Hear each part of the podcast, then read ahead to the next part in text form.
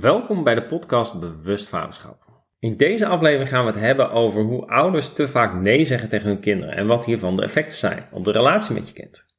En vaak ligt de focus van ouders op vooral wat er niet mag in plaats van wat er wel mag.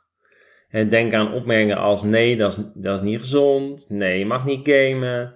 Ik heb er nog een paar, misschien herken je ze wel. Hè? Nee, papa moet werken, kan niet spelen. Nee, je mag niet zomaar geld. Nee, je moet rustig aandoen. Uh, nee, je mag niet zonder jas naar buiten. Nee, je mag niet met de kaars spelen. Heb ik vroeger vaak gehoord. Nee, je mag niet eerst je tanden poetsen en daarna je pyjama aantrekken. Nee, je mag niet ondernemen in plaats van studeren. Nee, je mag niet naar de MAVO, je moet naar de HAVO. En nee, je mag niet later thuiskomen. Nee, de vrienden zijn niet goed voor jou. Nee, die jongen is niet goed voor jou. Nou, de lijst is natuurlijk eindeloos. Wellicht herken je een aantal, wellicht ook niet.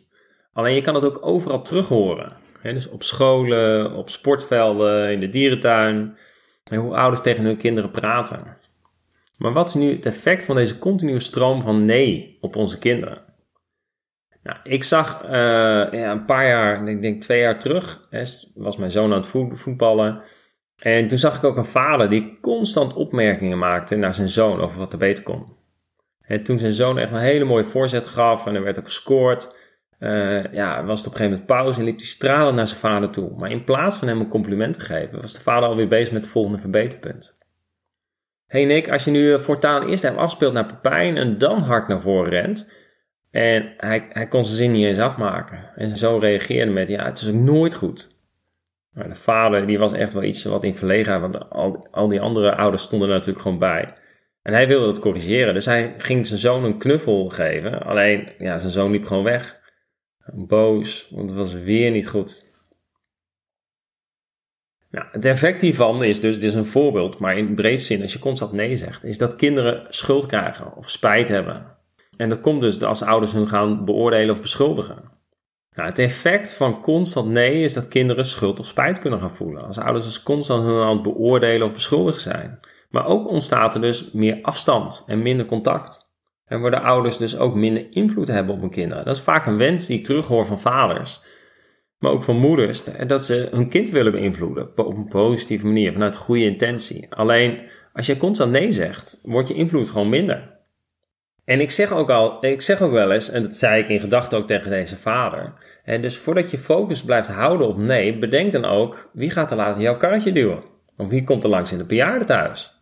En het moment dat je constant nee, dan gaan op een gegeven moment je kinderen je uit de weg. Die gaan je vermijden. En dat heb je zelf waarschijnlijk ook al. Mensen die constant negatief zijn of klagen, die ga je uit de weg. En ouders zijn er niet bewust van dat ze negatief zijn, want hun intentie is goed. Dat is vaak wat er gebeurt. Nou, als ouder kan je dus altijd nee zeggen, bijvoorbeeld tegen bepaalde activiteiten die je zelf als te gevaarlijk of niet zinvol beschouwt. Alleen als je dat doet, maar je biedt geen alternatieven, of je legt ook vooral niet uit waarom, dan is het niet handig. En essentieel hierbij is om stil te staan over wie het gaat.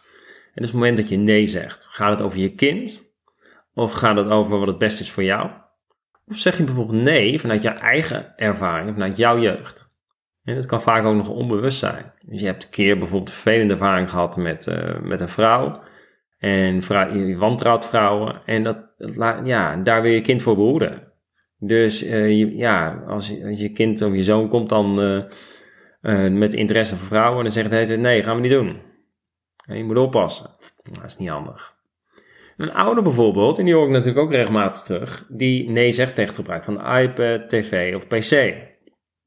Soms vinden we het wel handig een digitale oppas, maar vaak is het toch veel negativiteit.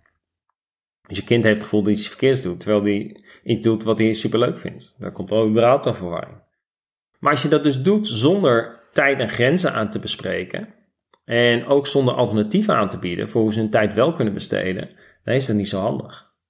Een ouder die bijvoorbeeld nee zegt tegen elk verzoek om iets nieuws te gaan proberen, zonder echt te overwegen wat de wensen van je kind zijn. En ook hoe je samen kan gaan genieten van nieuwe ervaringen. En soms komt dat dus voor uit eigen angst voor nieuwe dingen. Of een ouder die altijd nee zegt tegen de vraag om langer op te blijven zonder te luisteren naar het kind en de reden waarom ze langer willen opblijven. En om je een idee te geven om dit op te lossen, kan je bijvoorbeeld eens per maand een uh, langer opblijfavond verzinnen. Of één keer per week, wat, ook, wat ook handig is.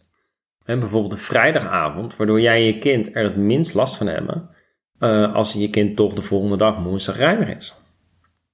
En zo kan je bijvoorbeeld kijken. Nou, het is belangrijk om bewust te zijn van de frequentie van je nee zeggen, om ervoor te zorgen dat je als ouders open blijft staan voor de behoeften en wensen van je kind. En door vaker in de ja-stand te staan, positief te zijn, kan je een sterkere band opbouwen met je kinderen. En hen dus ook helpen te ontwikkelen tot positieve, gelukkige en zelfverzekerde volwassenen. Nou, hoe werkt de ja-papa in de praktijk? Een voorbeeld van hoe je ja kunt zeggen zonder toe te geven aan alle verzoeken van je kinderen. Want dat is dus niet wat ik zeg, voor de helderheid. dus stel nou, je kind komt naar je toe en die wil langer opblijven. Dan kun je bijvoorbeeld ja zeggen. Maar dan doe je dat bijvoorbeeld met voorwaarden. Van dat hij dan de volgende dag iets eerder naar bed moet. Hè, om genoeg rust te krijgen. Zo kan je dus ook weer oplossingen zoeken. Nou, wellicht leuk om te delen. Uh, mijn zoon van 14 die houdt het nu zelf bij. Dus die zei van het weekend, ja pap kan wat langer opblijven, want uh, ja, ik heb nu plusuren. Dus hij houdt bij wanneer hij plus- en winuren heeft. Superleuk. Nou, het belang van de positieve bevestiging. Dus in plaats van alleen maar nee te zeggen, kun je ook werken aan het bekrachtigen van goed gedrag. Dus waar zet je focus op? Niet op negatief gedrag, maar met name wat hij goed doet, zodat je kind dat nog meer gaat doen. En je geeft bijvoorbeeld compliment of beloning, en zodat ze ook gewoon ja, gemotiveerd blijven. Nou, hoe je het beste kunt omgaan met situaties waarin je toch nee moet zeggen, want die zijn er gewoon. En soms is het gewoon nodig om grenzen te stellen en duidelijk te maken wat wel of niet acceptabel is. En in deze gevallen is het heel erg belangrijk dat je uitlegt waarom je nee zegt. En dat je daar ook de tijd voor neemt om hun te betrekken bij het proces. Zodat ze begrijpen waarom het nodig is en wat de reden dus achter de beslissing is. Nou, om je een idee te geven wat de impact op lange termijn is van te veel nee zeggen in de relatie, is dat het kan leiden tot een gebrek aan vertrouwen, een gevoel van afwijzing en ook minder communicatie. Het is dus belangrijk om bewust te zijn van je taalgebruik en een aantal keren dat je nee zegt. om ervoor te zorgen dat je een positieve relatie opbouwt uh, met je kinderen. Nou, afsluitend heb ik een uitdaging voor je. Dus hou eens bij de komende week hoe vaak je ja zegt en hoe vaak je nee zegt. En oefen een week met vaker ja te zeggen dan nee te zeggen. Dus zeg eens ja als je kind vraagt, spontane ja. Als je kind zegt, hey, wil je meespelen? Maar zeg dus ook ja als je kind zegt, ik wil mijn groenten niet opeten. Ervaar maar eens wat, dit, wat je doet in de relatie. Het contact met je kind.